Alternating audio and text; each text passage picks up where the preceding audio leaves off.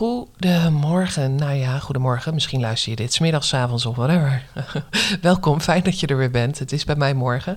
Fijn dat je luistert naar een nieuwe aflevering. En in deze aflevering ehm, wil ik uh, de belangrijkste relatie, als je het mij vraagt vanuit mijn visie, in je leven aantikken. En dat is de relatie met het kind in jezelf, het innerlijk kind, ook wel genoemd. Een bekende term voor velen. Um, uh, hoewel er niet maar één innerlijk kind in jou aanwezig is. Je hebt verschillende kindsdelen um, die verschillende behoeften hebben en waarbij je dus verschillende relaties mee kan onderhouden.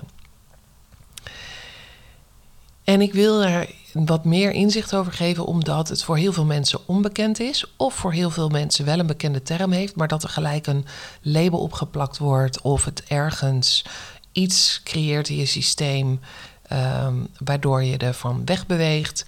Of dat je denkt, ja, maar dat is alleen voor mensen die een lastige jeugd hebben gehad. Bij deze wil ik dat gelijk wegnemen. Dat is dus niet het geval. Het innerlijk kind is in iedereen aanwezig en iedereen heeft kindsdelen, afgewezen kindsdelen. En dat is het meest logische gevolg van ons uh, uh, kindertijd, omdat wij nou eenmaal totaal afhankelijk ter wereld komen. En we zijn afhankelijk van onze verzorgers, van onze ouders. En dus zal, zal er altijd, zullen er altijd kindsdelen van jou zijn die niet volledig tot zijn of haar recht zijn gekomen. Uh, en dus weggestopt zijn. En ik heb er een post over geschreven, maar ik zal er verder zo uh, over, meer over uitweiden. En dus in de schaduw gezet zijn um, met onvervulde behoeften.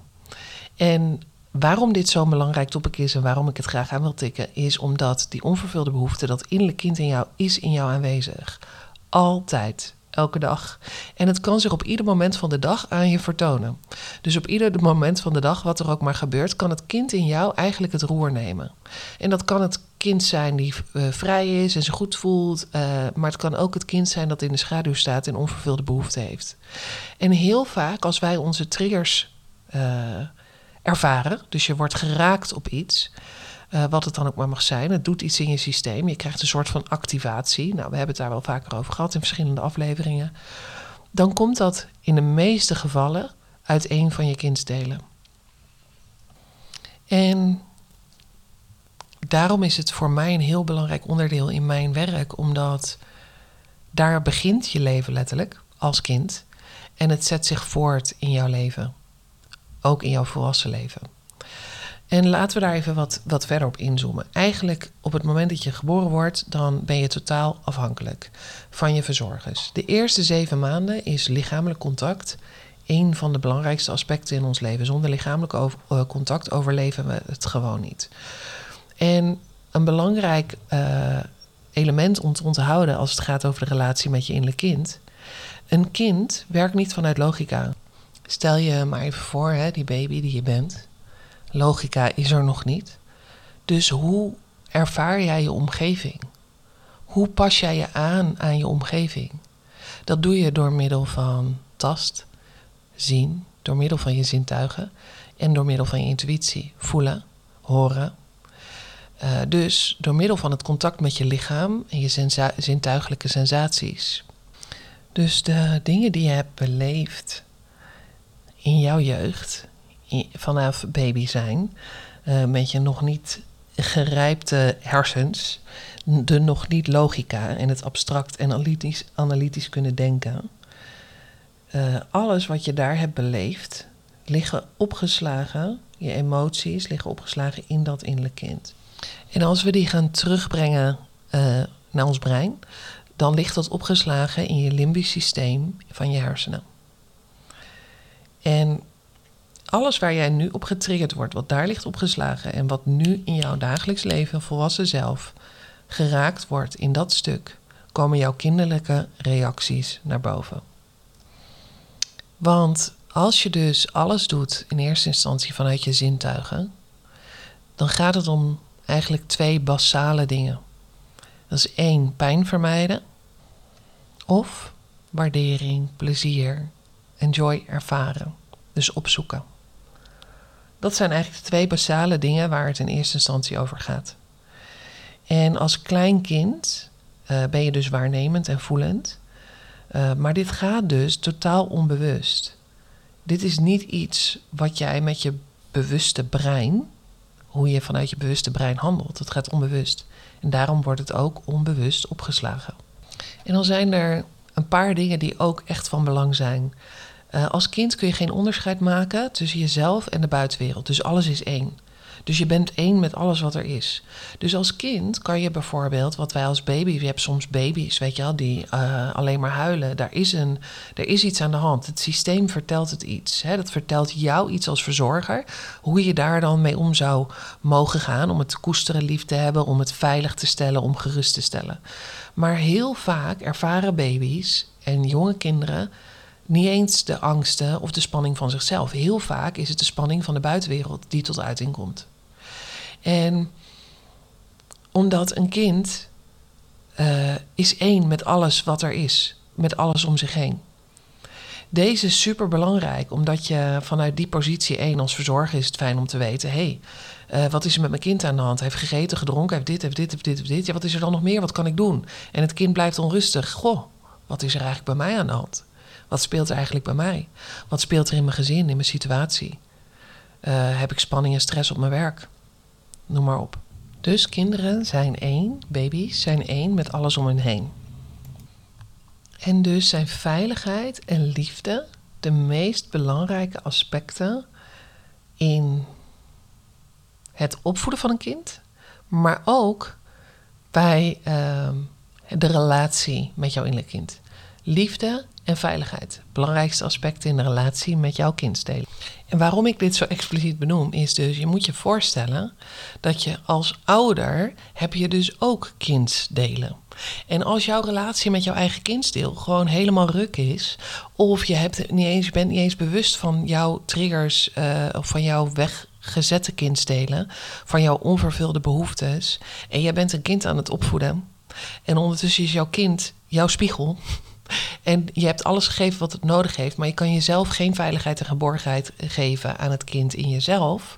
Dan heeft dat effect weer op je eigen kind. En daarom is dit zo belangrijk. Ja, sorry, dit is dus het spiraal waar we in zitten. Dit is ook waarom ik het een zo belangrijk onderdeel vind in het werk met de vrouwen die ik doe. Wij vrouwen zetten kinderen op de wereld. Het is belangrijk dat wij verbonden zijn met onze eigen kindstelen. Het is belangrijk dat we die aan kunnen kijken, dat we weten wat onze eigen onvervulde behoeften zijn dat we daarmee werken. Want alles wat wij zelf doen aan werk, geven wij door aan onze kinderen. En als wij zelf een goede relatie hebben met onze eigen kindstelen en weten wat onze onvervulde behoeften zijn en die kunnen uh, geborgenheid en veiligheid kunnen geven, compassie kunnen brengen, liefde, die we in onze jeugd wellicht gemist hebben. En dat hoeft niet per se te zijn omdat je een emotioneel onbeschikbare ouder had of omdat dat. Uh, um, het kan dus ook zijn dat je ouders hun eigen kindstelen niet hebben gekoesterd, niet hebben gewerkt met hun eigen kindstelen, waardoor dat effect heeft gehad op jou. En zo zet het zich voort, generatie op generatie op generatie op generatie. En daarom ben ik van mening dat dit werk zo belangrijk is en dat het zo belangrijk is om je bewust te worden van jouw eigen kindstelen. En daar niet meteen labels op te plakken, niet in een hokje te stoppen of te denken: oh, maar dat is alleen voor mensen die hele traumatische ervaringen hebben. Nee, we hebben ze allemaal en het is belangrijk om ermee te werken. Om je er bewust van te zijn, want je zet het voort. En ik heb het wel eens eerder gezegd of genoemd: alles wat je zelf niet aangaat, alles waar je zelf niet doorheen beweegt, alles waar je zelf pijn vermijdt, weet dat de generatie naar jou het aan moet gaan. Of de generatie daarna, of de generatie daarna. En hoe kan een gewond we noemen het gewond innerlijk kind, maar een kind die dus zichzelf heeft weggezet omdat het beter was om te kunnen overleven, omdat iets anders meer gewaardeerd werd en, het, en, en bepaald gedrag werd afgewezen of afgekeurd, uh, niet voorzien werd in de behoeften. Uh, wat er wel degelijk aan onderschuil gaat, want elk gedrag heeft een behoefte. Dat is ook een interessante. Elk gedrag heeft een behoefte. Uh, maar even los daarvan, zeker bij kinderen, is dus dat er onvervulde behoeftes zijn overgebleven. Maar die onvervulde behoeftes, die hebben wel dus nog steeds die behoefte om het vervuld te krijgen. En dus kan het zich gaan uiten in jouw dagelijks leven. Zeker wanneer het geraakt wordt, maar ook wanneer het niet geraakt wordt. Dus um, dat kan ook in de relatie met je kind gebeuren. In je relatie met je kind kan het dus zijn dat jij ehm, dat moeder en dochter, zeg moeder en dochter, het eigen innerlijk kind van, van de moeder heeft behoefte, heeft een onvervulde behoefte, heeft binnen haar eigen relatie met haar ouders onvervulde behoefte opgebouwd. Bijvoorbeeld door een emotioneel afwezige ouder, behoefte aan liefde, behoefte aan erkenning, behoefte aan waardering. Dus het kan veel eisend naar het kind worden, bijvoorbeeld. Het kan veel eisend naar het kind worden om die onvervulde behoefte te vervullen. En de reden dat ik daar nu op kom is dat ik goed toevallig gisteren een gesprek had uh, met iemand ergens over. En nu komt deze binnen dat ik denk: oh ja, het innerlijk kind is bij ons allemaal aanwezig. En daarom uh, is het zo belangrijk om te kijken welke kindsdelen heb je van jezelf afgewezen. Welke kindsdelen heb je van jezelf in de schaduw gezet, omdat die niet volledig geaccepteerd werden. Um, omdat ergens daar een afwijzing op zat. Dus mijn eigen, uh, bijvoorbeeld mijn kindsdeel, mijn spontaniteit, mijn verlangen als kind om uh, zichtbaar te zijn. Ik had echt een verlangen om zichtbaar te zijn. maar niet per se. Nee, ik had, laat ik het zo zeggen. Ik had een verlangen om iets te doen waarbij, waarbij ik applaus ontving. Dus uh, dansen uh, vond ik geweldig. Zingen vond ik geweldig. Ik kon het niet, maar zingen vond ik geweldig. Ik vond het geweldig als iemand zei: Judith, doe je fantastisch. Wil je dat en dat doen om op het podium te staan? Nu hoef je me er echt niet meer neer te zetten trouwens. Maar um, dat, dat, dat was een kindstil van mij wat heel onbevangen en puur was en gewoon altijd ging. Maar tegelijkertijd was daar vanuit de buitenwereld, vanuit mijn gezin, een vorm van afwijzing. Een vorm van kleineren is niet het goede woord, want het klinkt. Het is niet bewust hè, dat dat gebeurt. Het is niet met die intentie dat het gebeurt. Het is iets in de delen van, in dat van mijn ouders bijvoorbeeld, of van mijn zusje en mijn broer, wat daar zelf een soort van uh, uh, schaamte op zit, waardoor het op mij geprojecteerd wordt. En dus op het moment dat ik ervaar van, oh, dit is eigenlijk, uh, ik, ik moet me dan gaan aanpassen. Hè? Dus je gaat je kleiner maken, nog kleiner, nog kleiner. En je gaat proberen, uh, of je wordt heel rebels, hè? dat kan ook. Dus het is een combinatie vaak van dingen. En dat is ook het interessante hieraan, uh, aan onvervulde behoeftes, is dus dat één, ben je eigenlijk het altijd aan het wegzetten. Dus je bent het je bent je aan het aanpassen. En twee, ben je op allerlei andere manieren toch aan het proberen om die onvervulde behoeften vervuld te krijgen. Super interessante dynamiek. Dus dat is ook lastig uit te leggen. En dat is ook belangrijk om te weten. Is het is niet echt, als we het hebben over ons innerlijk kind, het gaat niet vanuit logica. Dus ik probeer het nu natuurlijk uit te leggen om een beetje begrip daarom rondomheen te creëren. Maar een kind doet alles op gevoel. Een kind doet alles op basis van die sensaties, zintuigelijke sensaties. Doet alles op basis van fantasie. Nou, ik laat het even gewoon gebeuren. De toetsen en bellen die op de achtergrond uh, gingen. Ik wou hem even stoppen om het eruit te halen. Maar ik denk, laat maar zijn. Dus een kind doet alles op basis uh, van fantasie, op, op beleving. Dus op basis van symbolen, op, op, basis van um, um, het dromen. Dat betekent dus dat jouw relatie met je innerlijk kind niet anders kan zijn dan dat. Dat betekent dus dat je, uh, als je intapt in je innerlijk kind, wat is er dan wat er werkelijk vrijgespeeld wil worden? Hè, wat is er dan wat er werkelijk de ruimte wil krijgen? Dus je hebt kindsdelen die bijvoorbeeld gewoon helemaal vrij willen zijn, gek willen doen. Denk, ik wil gewoon doen wat ik wil. ik wil gewoon doen wat ik wil. En uh, zonder dat ik uh, denk, ik mag dat niet doen, of dat vindt een ander niet leuk, of uh, dan vinden ze mij niet leuk meer. Laten we dat vooral voorop stellen. Vinden ze mij niet meer leuk, of vinden ze mij niet meer lief, of vinden ze mij niet meer grappig.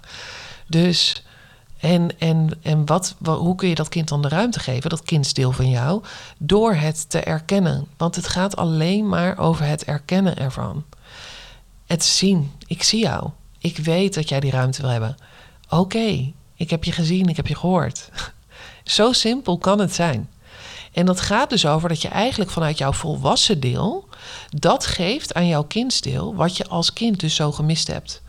Van bijvoorbeeld je ouder, wat je graag van je ouder had ontvangen, of van je zus, of van je broer, of van wie dan ook, waar je die, hè, als kind heel erg die, uh, uh, die liefde voor voelde. En dat kan dus ook zijn dat je een, een boos kindstil hebt. Gewoon een boos kindstil, omdat je naar je kamer gestuurd werd en in je mond gesnoerd werd. Ehm, ik kreeg eigenlijk heel vaak te horen als kind: ga maar weer huilen. Oh ja, ga maar weer huilen. Nou, daar werd ik dus direct de mond mee gesnoerd. Dus mijn, mijn emoties werden gewoon op slot gezet. Want dat was op een sarcastische manier. En dus, wat kreeg ik?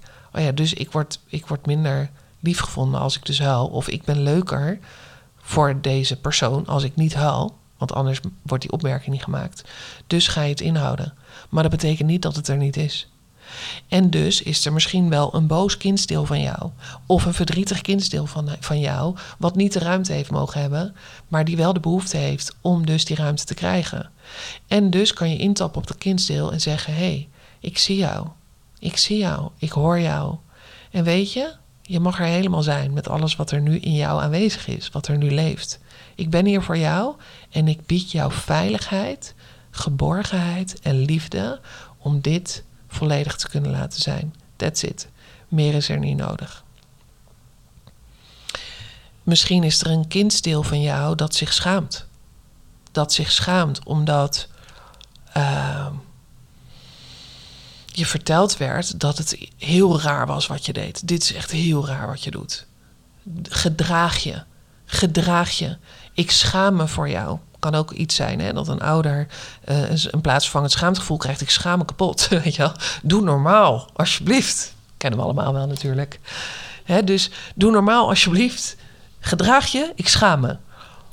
Jij projecteert op je kind, je kind voelt schaamte. En dat wordt weggezet in een schaduwdeel in het donker, want dat deel mag er niet zijn. Ik moet me gedragen. En er wordt schaamte geprojecteerd. En je wordt, er wordt je verteld dat je iets heel raars aan het doen bent. Dus je, hebt, je, je moet je schamen, letterlijk. En dat deel wordt weggezet. Maar dat betekent niet dat het er niet is. Het is er. Het is in jou aanwezig. En het kan elk moment kan het geactiveerd worden door dat aan te raken. En als we dus kijken naar hoe een, een, de, de kindsdelen van jou zich kunnen uiten in je dagelijks leven, weggezette kindsdelen van jou, dat kan dus zijn door altijd dat te doen wat een ander van je vraagt, dus please gedrag te vertonen. Dat kan dus zijn um, door het gevoel te hebben dat je er niet toe doet. Dus jezelf weg te cijferen, uh, niet je stem te laten horen. Dat kan dus zijn dat je heel kritisch naar jezelf bent. Dat je in je hoofd zegt, nou doe eens even normaal, gedraag je, gedraag je, die stem. Uh, dat je super perfectionistisch bent. Je wil alles goed doen. Perfectionistisch is ook een verkapte vorm van faalangst. Dus je wil niet falen. Voor wie wil jij niet falen? Uiteindelijk is het altijd dat je niet wil falen in de ogen van je ouders. Want daar begint alles. Daar begint alles. Uh, het kan zijn dat je vertrouwensissues hebt, dus. Um, of dus op zoek bent naar externe validatie. Altijd op zoek naar die waardering. Altijd op zoek naar die erkenning. Altijd op zoek naar ik zie jou, ik hoor jou. Omdat je dat gemist hebt als kind.